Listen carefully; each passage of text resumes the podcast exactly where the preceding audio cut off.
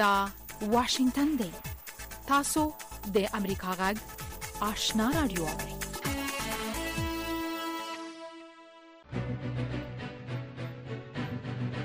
السلام علیکم درنو اوریدونکو زه زیبا خادم یم دا د امریکا غږ آشنا رادیو خبرونه ده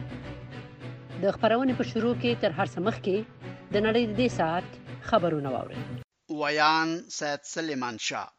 لومړی یو عاجل خبر، د سي ای بي ایس تلویزیوني شبکې د رپوټ له مخې د متحده ایالاتو د بهرنیو چارو وزیر انټوني بلېنکن او د دفاع وزیر لوید اسټن د یوکراین د جمهور رئیس اولوډومایر زیلینسکي سره د ملاقات په غرض نن د یکشنبې په ورځ کیف ته رسیږي.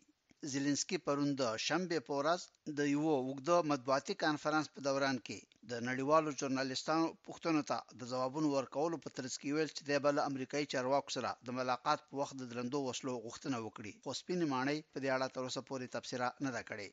له بلې خوا د اسوشیټډ پریس خبري اژانس پرون ناوخته رپوټ ورکړ چې د یوکراین د اوډیسې په بندري ښار باندې د روسي ځواکونو د کروز توغندو په حمله کې د یوه درې کلن ماشوم په شمول شپږ کسان وژل شوي دي. په داسې حال کې چې چارواکو په کابل، مزار شریف او قندوز کې د مرګانیو حملو په تعقیب د روژې په میاشت کې د جوماتونو د امنیت د ساتلو تدابیر سخت کړي دي، د فرانسې خبري آژانس اې اېف پي د مزار شریف د ولایتي چارواکو له قوله رپوټ ورکړ چې د پنجشنبې په ورځ د دغه ښار د سې دوکان په سیمه کې د شیعه ګانو پر یوه جومات باندې د حملې طراح عبدالحمید سنګریار یې ونیو. ویل کیږي چې سنګریار د بلخ په ولایت کې د داعش د خراسان له څانګې د عملیاتو مسول و او په څو نورو مرګانیو حملو کې هم لاس لره. په کابل کې د کورنیو چارو وزارت هم د سنګریار د نیولو خبر تایید کړی دی. د عبدالروف په نوم یولس کلن هلک چې دوه کاله مخکې په مزار شریف کې تښتول شوی و، بېرته ازاد شو. د طالبانو حکومتي ویاند ذبیح الله مجاهد وايي چې عبدالروف د عملیاتو په نتیجه کې ازاد شو. نوموړی د دیارلس سوه نهه نوي لمریز کال د لړم یا عقرب په میاشت کې په داسې حال کې چې ښونځي ته روان و په لاره کې وتښتول شو. ذبیح الله مجاهد د شنبې په ورځ د غوایي په درېیمه د ټویټر په پاڼه ولیکل، چې عبدالروف په مزار شریف کې د ځانګړو مراسمو په ترڅ کې خپلې کورنۍ ته ور وسپارل شو. په دې موقع د رئیس الوزرا مرستیال مولوي عبدالسلام حنیفي او د استخباراتو عمومي رئیس عبدالحق وثیق هم موجود وو. د افغانستان او نړۍ خبرونه د امریکا غږ واشنګټن نه اورئ. د طالبانو یو لوړپوړی حکومتي هیات د قطر پایتخت دوحه ته د دې لپاره رسېدلی دی چې د کابل د نړیوال هوایي ډګر په شمول د افغانستان د پنځو هوایي ډګرونو د تخنیکي چارو د مدیریت او انسجام لپاره د قرارداد په اړه له قطري چارواکو سره وغږېږي د ټرانسپورټ او هوایي چلند وزارت د جمعې په ورځ ناوخته په یوې مطبوعاتي بیانیې کې وویل چې د هیات مشري د دغه وزارت د سرپرست حمیدالله اخوندزاده په غاړه ده او د بهرنیو چارو د وزارت سرپرست ملا امیر خان متقي هم د هیات په غړو کې شامل دی. په بیانیه کې ویل شوي دي چې هیات به د کابل، قندهار، هرات، بلخ او خوست، په شمول د افغانستان د هوایي ډګرونو د تخنیکي چارو د سمبالولو په مختلفو اړخونو د قطر له دولت سره وغږیږي. په مذاکراتو کې به د ترکیې د حکومت یو تخنیکي هیئت هم شامل وي. د رئیس الوزرا مرستیال ملا عبدالغني برادر د اپریل په اوومه د بهرنیو چارو وزارت ته هدایت کړی و چې د قطر د دولت له خوا د کابل د نړیوال هوایي ډګر د تخنیکي چارو د سمبالولو او یوه قرارداد د لاسلیکولو لپاره نیټه وټاکي. تېر کال د اګست په یو دېرش مه له افغانستان نه د امریکا او د ناټو د ځواکونو له راوتو وروسته د افغانستان له هوایي میدانونو نه بهرني پروازونه د تخنیکي ستونزو په وجه باندې وځنډېدل. طالبانو له قطري چارواکو سره د دوه زره یوویشت میلادي کال په سپټمبر کې مقدماتي مذاکرات پیل کړي وو. د باختر خبري آژانس رپوټ ورکړی چې پاکستاني چارواکو دیارلس تنه افغان قیدیان په تورخم کې طالب چارواکو ته ورسپارلي دي. دغه کسان پاکستان ته د سفر کولو د قانوني اسنادو د نه درلودلو په جرم نیول شوي وو. د بهرنیو چارو د وزارت سرپرست ملا امیر خان متقي په کابل کې د بریتانیې د دیپلوماتیکي نمایندګۍ له شارژزافیر هوګو شارټر سره ملاقات وکړ. د بیانیې له مخې، هوګو شارټر ښاغلي متقي ته اطمینان ورکړ چې د بریتانیې د حکومت پالیسي دا ده چې د برحاله حکومت پر خلاف به د هېڅ کومې وسلهوالې ډلې ملاتړ نه کوي. تېره اونۍ د ایران تسنیم خبري اژانس رپوټ ورکړی و چې د بریتانیې حکومت د افغانستان په شمالي ولایتونو کې د طالبانو پر خلاف د قیام د راپورته کولو په غرض مارشال عبدالرشید دوستم ته څو میلیونه پاونډ لېږلي دي. په عین وخت کې د طالبانو د استخباراتو عمومي رئیس عبدالحی وثیق په یوې غونډه کې په خپله وینا کې د افغانستان پر ګاونډیو هېوادونو باندې غږ وکړ چې د طالبانو په خلاف په تخریبي عملیاتو کې دې خپل ځانونه نه ورګډوي. د افغانستان لپاره د امریکا د متحده ایالاتو د حکومت ځانګړي استازي ټامس ویست د ټویټر په پاڼه لیکلي دي چې ملي پخلاینې د شورا د پخواني رئیس عبدالله عبدالله سره په تلیفون خبرې کړې دي. ویست وايي چې نوموړي ته یې د وروستیو مرګانیو حملو له امله خپل تعزیت وړاندې کړ او هم یې د جنکو د ثانوي تعلیم په باب ورسره خبرې وکړې. په شمالي وزیرستان کې د پاکستان د پوځ درې تنه عسکر د وسلوالو په حمله کې وژل شوي دي.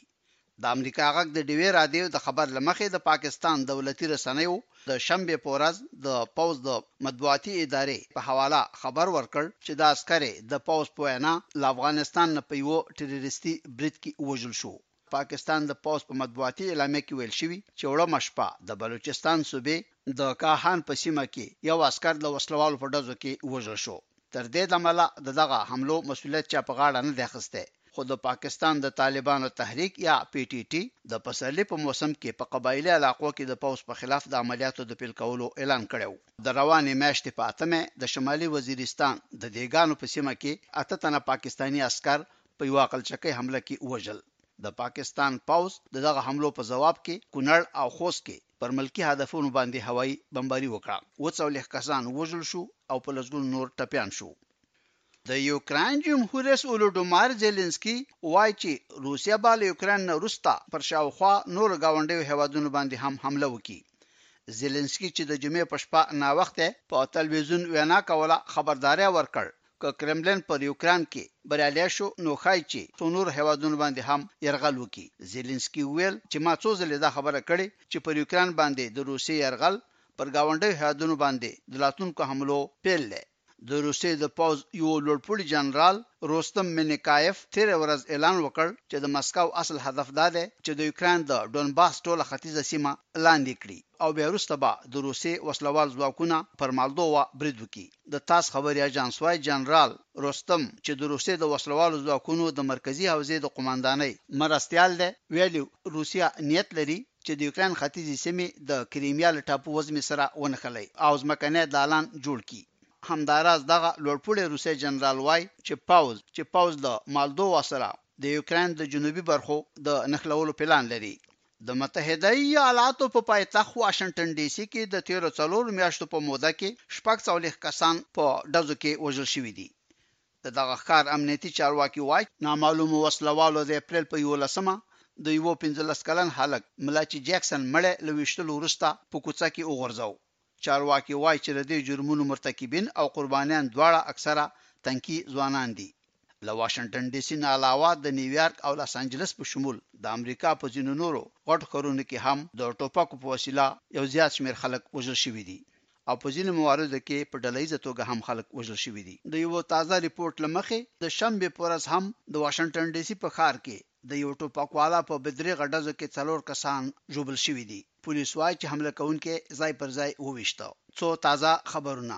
د پاکستان د ملي امنیت شورا وايي چې د معزول شوي صدراعظم عمران خان په لرې کولو کې متحده ایالاتو لاس نه لره. په یوه مطبوعاتي اعلامیه کې ویلي دي چې د عمران خان د ادعاګانو برخلاف د امریکا د تودې په اړه ورته شواهد په لاس نه دي ورغلي. عمران خان ویلي و چې د متحده ایالاتو د حکومت د فشار په نتیجه کې له قدرت نه وغورځول شو. د لاس انجلس ټایمز ورځپاڼه رپوټ ورکوي، په داسې حال کې چې د یوکراین په ختیځ کې د یوکراین د پوځ او د روسي ځواکونو ترمنځ سخته جګړه روانه ده، د یوکراین پوځ تر دې دمه د روسیې د پوځ څو غټې حملې په شا تمبولې دي. له بلې خوا یوکرایني چارواکي وايي دی هڅه کوي چې د ماریوپول له محاصره شوي ښار نه ملکیان ژر تر ژره راوباسي. د خبرونو پای.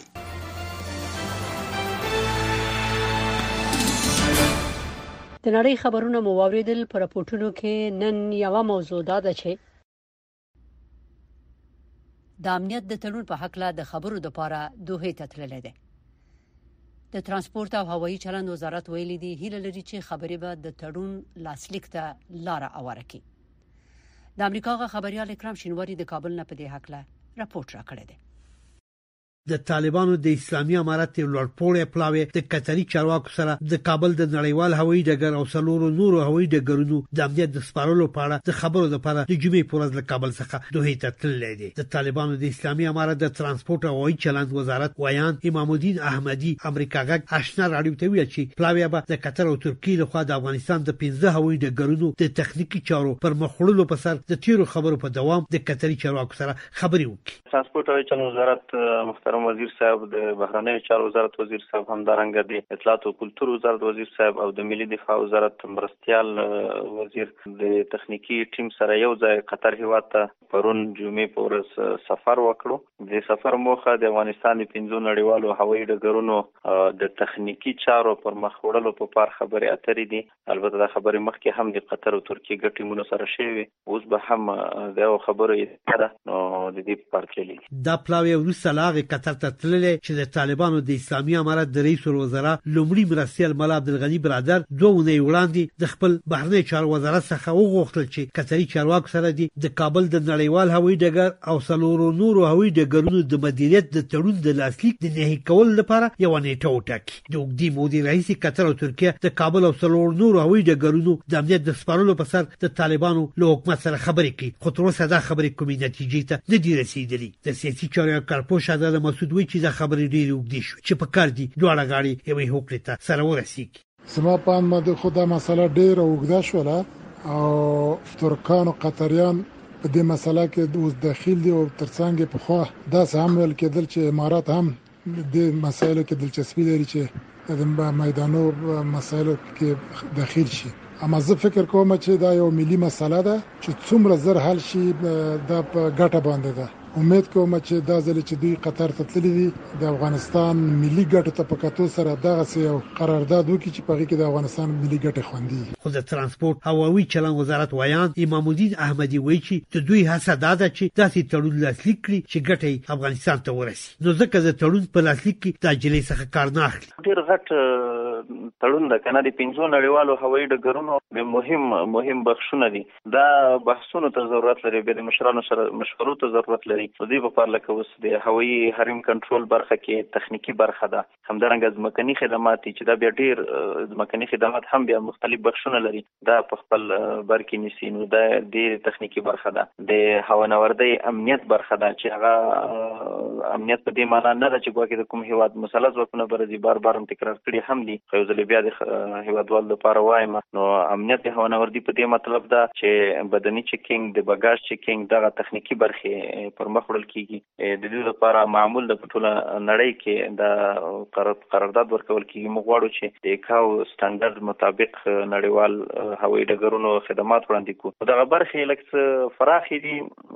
دې په پار ډیر بحث ته کې ضرورت دی د ترانسپورت او هوایي چلند وزارت د معلوماتو له مخې یو قطري تخنیکي ټیم اوس هم د کابل په نړیوال هوایي ډګر کې د دغه هوایي ډګر د افغان کارکوونکو سره د تخنیکي خدمتونو په برابرولو کې همکاري کوي. اوسمهال د کابل هوایي ډګر څخه په ورځ کې د شلو او دېرشو ترمنځ الوتنې کېږي، چې د سیمې یو شمېر هېوادو ته د الوتنو سربېره دننه په هېواد کې هم یو شمېر لویو ښارونو ته الوتنې ترسره کېږي. د ترانسپورټ او هوایي چلند وزارت د معلوماتو له مخې، اوسمهال د افغانستان له فضايي قلمرو څخه په ورځ کې د پنځوسو او اتیاو ترمنځ عبوري الوتنې ترسره کیږي د ترانسپورت او هوایي چلند وزارت ویاند وایي چې هر الوتکه چې د افغانستان له فضایي قلمرو څخه تیریږي دغه هیواد ته اوس او امریکایي ډالر د کولوګر په توګه ورکړي د امریکا غږ د آشنا رادیو په خپلو بیلو بیلو خبرونو کې د نړۍ د ګډ ګډ او د افغانستان په باب جامع به طرفه او موثق راپورټونه خبري د امریکا غږ د آشنا رادیو خبرونه مهیروي اته میاشتې وشوې چې طالبان په افغانستان کې واکمن شوي دي مګر د نړۍ هیڅ ملک د طالبانو حکومت پر رسمیت نه دی پیژندل د دې او نورو مطالبونو مخکې راځو د ته چې په افغانستان کې په دې ورځو کې سوزایا په جماعتونو کې بریدونه شوي دي منګه د دغه امنیتي ستونزو په ارتباط د افغانستان د دفاع د وزارت د پخوانی سرپرست وزیر شاه محمود میاخیل سره مرکه کړې ده داعش اوس مهال څومره ستاسو په نظر لوی خطر ګڼل کیږي امنیت ته او په خپل د طالبانو واکمنۍ ته؟ اول خو ډیره زیاته مننه دغه څه پیښې چې په تیرو دوه درې ورځو کې وشولې که د پاکستان بمباری و که په کابل کې ځانمرګي دغه وشو چاودنې یا په مزار کې کندوز کې ننګرهار کې خدای دې ټول شهیدان وبخي او ټول کورنۍ ته صبر جمیل غواړم دا هر پیخه چې کیږي د دون کې دا او هر قطروینه چې په افغانستان کې تویږي دا قابل د منلو نه ده او متاسفانه چې په تیرو شلو کلونو کې پاکستان مختلفې تروریستي ډلې تقویه کړې دي او دا غوونه استفاده کړې ده چې ترڅو د افغانستان حکومتونه او نظامونه چیلنج کی او هغه لمنځه ویسی نو اوس دغه ډلې یو پراګنده یعنی غیر متمرکز شکل باندې فعالیت لري نو دا مختلفې ډلې دي او زه فکر نه کوم چې طالبان هم د دې یعنی قدرت ولري او یا کفایت ولري چې د دې بریدونو مخه ونیسي البته تخریب د تخریب د لپاره ډېری قواوې نه دي په کار همیشه یعنی محدود قواوې او ساده تخنیکونه کولی شي چې امنیت خراب کړي او مشکلات په یو هیواد کې یا یو سیمه کې جوړ کړي میاخیل صاحب هم دې ټی کتاب راشم چې تاسو ورته اشاره وکړه خلک هم اندېښمن دي کارپوهان وایي طالبان د دې بریدونو د مخنیوي وړتیا نه لري هم په هیواد کې د تروریستي ډلو د بریدونو او هم د نورو هیوادونو د ښکارا او څرګند تعرض په وړاندې عاجز او بې وسې دي ستاسو نظر په تفصیل کله څه موږ سره شریک کاندي په دې شل کال کې چې وګورو د دغه جنگ چې کوم یو روانو دا ډیر ساده و ځکه چې مختلفې ډلې تقویه کېدلې د پاکستان لخوا هغه داعش او لشکري طیبه و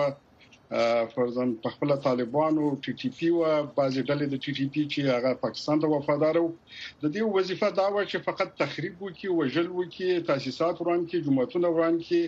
انتحاري عملی وکي نو دغه په خپل یو نو کلچر جوړ ک د تخریب نو وس طالبان نشي کولای چې دا متفرقه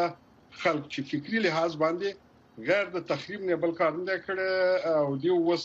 د دیونه د سړی د جوړونې امید ولري نو یوازنی لار دا ده چې طالبان باید داخلي مشروعیت لپاره کار وکړي یو مشروع نظام باید الته رامنځته شي چې د ولس اعتماد ولري او طبعا چې ولسی مشروعیت رامنځته شو بیا پس دا غینه بین ملي مشروعیت رامنځته کیږي کني دغه وضعیت د طالبانو د کنټرول لمبوزي او د منطقې لپاره خو خاص خطر دی او پاکستان چې د کوم ډلې تقویه کړې دي بل اخر هغه وهم د دیو دغه سر مخامخ کیږي د عکس العمل سره یو یو بل پښتنه هم لرم د پاکستاني طالبانو او افغان طالبانو ترمنځ اړیکې څومره نږدې دي ځینې وایي چې ټي ټي پی او افغان طالبان نه بلیدونکي دي خاصه توګه اوس ستاسو نظر ما مخکې عرض وکړ چې دغه ډلو دغه شل کال سره یو ځای په یو سنگر کې د یو هدف لپاره چې د افغانستان حکومت تخریب کی او انفجار او انتحار دا شان وکي نو دی یو بل په تکتیکونو پويږي نو طالب د پاره دا ډیره مشکله ده چې ټي ټي پی په مقابل کې عملیات شروع کړي د دې نورو ډلو په مقابل کې یو بل پښتنه په لاندې توګه لاند جواب میاخیل صاحب څومره فکر کوي چې تاسو داسې تروریستي ډلې فعالیت کوي په افغانستان کې چې سیمه او نړۍ ته ګواښ پیښولای شي دا نو رتدار تقریبا د شل دوشتو په حدود کې ده د یکایم نه نیولې د اینیو لشکرې طیبه په خپل داعش ټي ټي پی هغه هم د هر یو په څو برخو نور تقسیم شوی دی القاعده دا ټول هغه شیان دي چې یعنی طالب تر اوسه پورې په دې اته مېشتو شو کړی چې د دیونه خپل ځان جدا کی اور ودان ډیره زیاته مننه کوم له تاسو نه میاخیل صاحب خوشاله او په خپل چارو کې بریالي اوسئ مننه د واشنگټن نه د امریکا غږ آشنا رادیو خبرونه اوري اته میاشتې کېږي چې طالبان په افغانستان کې مسلط دي خو تر اوسه پورې د هیڅ هیواد له لوري د دوی حکومت په رسمیت نه دی پیژندل شوی په دوی باندې د بشري حقوقو د سرغړونو تورونه لګول کیږي د افغانستان اقتصاد له بد حالت سره مخامخ دی او د پاکستان لخوا د وروستیو هوایي بمباریو په شمول پوښتنه ده چې آیا طالبان کولای شي چې د افغانستان خپلواکي او امنیت وساتي د دې او نورو پوښتنو او اندېښنو په حق له د آشنا ټلویزیون راپورته اساس پام را اړوم د شنبې په ورځ د پاکستان الوتکو د خوست په ولایت کې هوایي او په کونړ کې راکټي بریدونه کړي دي په یادو بریدونو احتجاجي مظاهره روانې وي چې ترهګري ډلې دایښ خراسان ادعا وکړه چې د افغانستان بلخ ایالت نه د پولي بل لورته په ازبکستان کې په ازبک ځواکونو راکټونه ورويشتي دي دا پیخي نړۍ ګوندي هوادونه او افغان ولسته څه پیغام ورکوي لومړی خو دا خبره واضح ده چې طالبان افغانستان په بشپړ ډول خوندي ساتلی نه شي. که طالبانو ته څه نوم ورپاتې وي، نو دا بریدونه به هغوی بدنامه کړي. افغانستان کې د پخوانیو چارواکو په ګډون افغان مشران دا پوښتنه کوي چې په افغان خاوره باندې شوې تیري ته ستاسو ځواب څه دی؟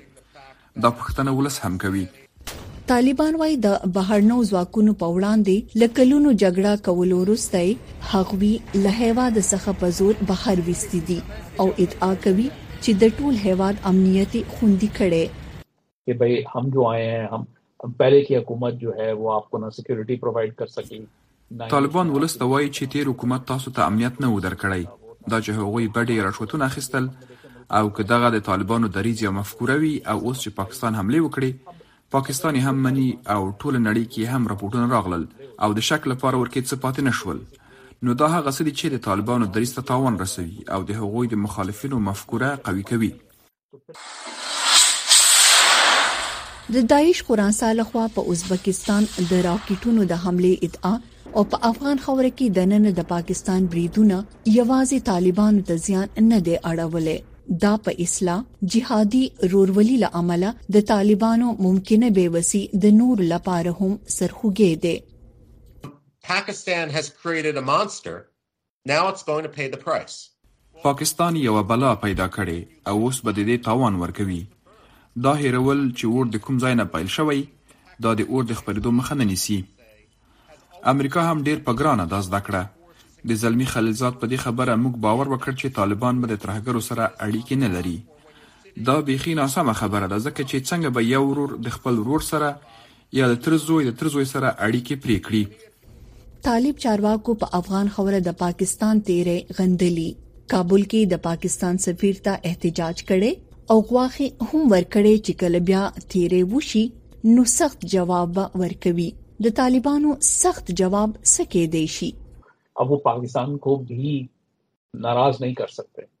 طالبان پاکستان خفه کولی نه شي.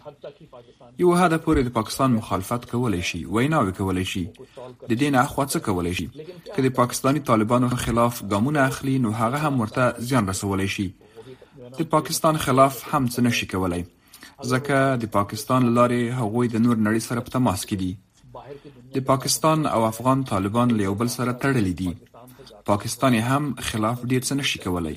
ځکه چې بیا به د افغان او پاکستان دواړو طالبانو پر ضد جګړه کوي. په افغان خاوره د تېري وروسته پاکستان ویلي د افغانستان د خپلواکۍ احترام کوي، خو وايي افغان خاوره باندې د ترهګرو فعالیتونه د سیمې ثبات زیانمن کوي. په امریکا کې د سیمې د چارو کارپوهان مايكل روبن، کامران بخاري او نور سیړونکي وایي چې افغانستان کې د امنیت بد وضع د اقتصاد جام شوی حالت د نړیوالو لخوا تر اوسه نامنلي حکومت او د گاونډي هیواد پاکستان په افغان خوره هوایی بریدونه طالبان په سخت ازمیخت کې اچولي او په ولس کې د طالب واک د بیباورۍ سره مخ کړي دي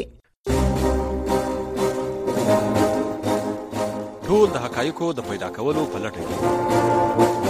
امریکا غږ په نړۍ کې د موثقو معلوماتو په برخه کې نړیوال شهرت لري امریکا غږ په نړۍ کې د ټولو لپاره د خبرونو باوري سرچینه ده خلک د نړیوالو مسایلو په حق له جامع معلومات غواړي او امریکا غږ دغه معلومات برابروي د امریکا غږ اشنا رادیو یو موثقه معتبره او جامع منبع منځنۍ چپه 1290 او په 15 ښارونو کې اف ام 0.15 مونږ د امریکا غږ آشنا رادیو نه غږیږو د ترکیې حکومت سکهال په فبروري کې ان له پیل نه په اوکراین باندې د روسیې تیرې غندلې دی او د ماسکو په خلاف د دغه قوي او مستحکم دریز له امله د ناتو په تړون کې د خپل انډیوال یعنی متحده ایالاتو سره د دوه اړخیزو اړیکو د بهتره کولو لپاره چې له روسیې سره د نږدې انډیوالۍ په سبب خراب شوې دي یو ښه زمينه مساعده شوې ده د استانبول نه د امریکا غږ د خبريال ډوریان جونز را لېږلی راپورټ زموږ همکار سید سلیمان شال ولي جمهور رئیس رجب طیب اردوان په ډیرو سختو الفاظو پر یوکراین باندې د روسي د نظامي یرغل غندنه کړې او په عین وخت کې د مسکو د اعتراض باوجود ترکي ساخت ډرون الوتکې پر یوکراین باندې وپلورلې چې همدغو مسلحو ډرونونو د روسي ځواکونو ته د جنګ په ډګر کې درانده تلفات وراړولي دي او هم د روسي د سمندري پوځ د جنگي کشتیو پر مخ د توري بحیرې لاره تړلې ده دا ټول هغه اقداماتو چې واشنګټن ستاینه کړې د اروپايې اتحاد د لوړپوړي کارپوهې مېرمن اسیل ایډن تاسباس په وینا، د یوکراین د جنګ په ارتباط د انقرې دغه دریځ د متحده ایالاتو او ترکیې ترمنځ د خرابو شوو دوه اړخیزو اړیکو د بیا رغولو لپاره یوه ښه موقع برابره کړله. Well it certainly introduced a level of stability and engagement that wasn't there before the په یقیني ډول له همدې امله د دواړو ترمنځ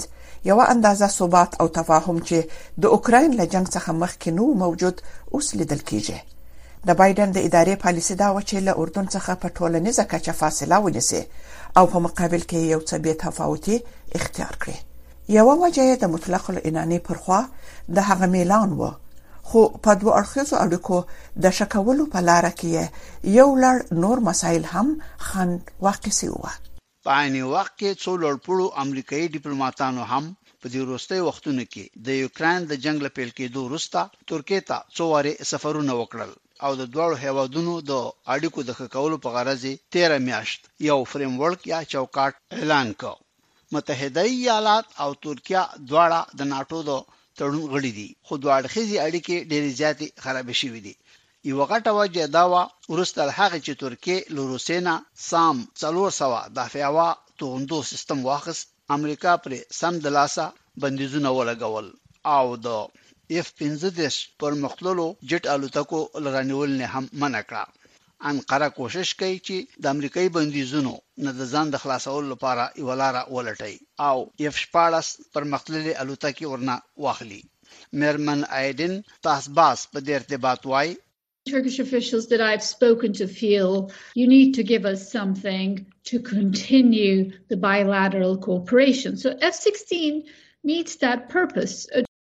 د کومو ترکي مامورینو سره چې می خبرې کړې دي دا احساس کوي چې له ترکیې سره د دوه اړخیزو همکاریو د جاري ساتلو په خاطر امریکا باید یو څه ورته ورکړي نو دا خبره سمه ده چې د اف 14 جټ جنگي الوتکو پلورل یې دغه مقصد پوره کوي د ترکیه هوایي پوځ لمخې نه هم شې ډېری اف 14 ډوله الوتکې استعمالولې خو د تیرو څو کلونو په موده کې د امریکا له خوا د لګول شوو بندیزونو په وجه ونه سوی کولای چې سمبال یې کړي او یا یې پر زجات حاصل کړي او یا نور الوتکې واخلي زما په فکر چې د اف 14 الوتکو پر سر معامله د دواړو خواو لپاره یو بهتر فورمول دی څارونکي په دې باور دي چې انقره د خپل هوایي ځواک د زړو او له موده غورځېدلو الوتکو په اړه زیاته اندېښنه لري، ځکه چې د ترکیې ګاونډي هېواد او زوړ سیال یونان د خپلو هوایي قواوو په غښتلي کولو بوخت دی. که څه هم چې جمهور رئیس طیب اردوان له امریکا نه د ایف شپاړس ډوله جټ الوتکو د رانیولو موضوع څو وارې د تلیفوني خبرو په دوران کې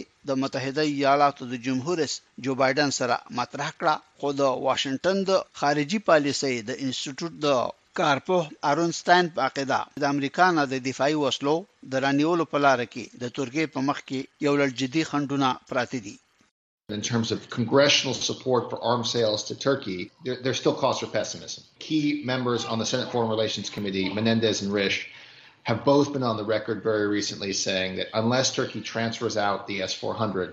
په ترکیه باندې د وسلو د پلورلو په مورد کې د کانګرس د غړو د ملاتړ په اړه لا تر اوسه هم بدبیني لیدل کیږي. د سنا د مجلس د بهرنیو اړیکو د کمېټې دوه کلیدي غړو رابرټ مکینزي او جیمز ریزچ دواړو خبرې کړي تر څو ترکیه د روسي ساخت اېس څلور سوه ډوله دافعي هوا توغندیو له انتقال نه لاس وانخلي. هغه هېواد د اېف شپاړس جیک الوتکو ورکولو کې ظاهراً ممکن نه برېښي او د نه ورکولو احتمال یې زیات دی. د بایډن اداره شاید چې پر دغه دواړو سناتورانو باندې د ملاحظې وړ فشارونه راولي خو وبه کتل شي چې څه کېږي. د آشنا رادیو درنوریدونکو دا خبرونه هم دلته پای ته ورسیده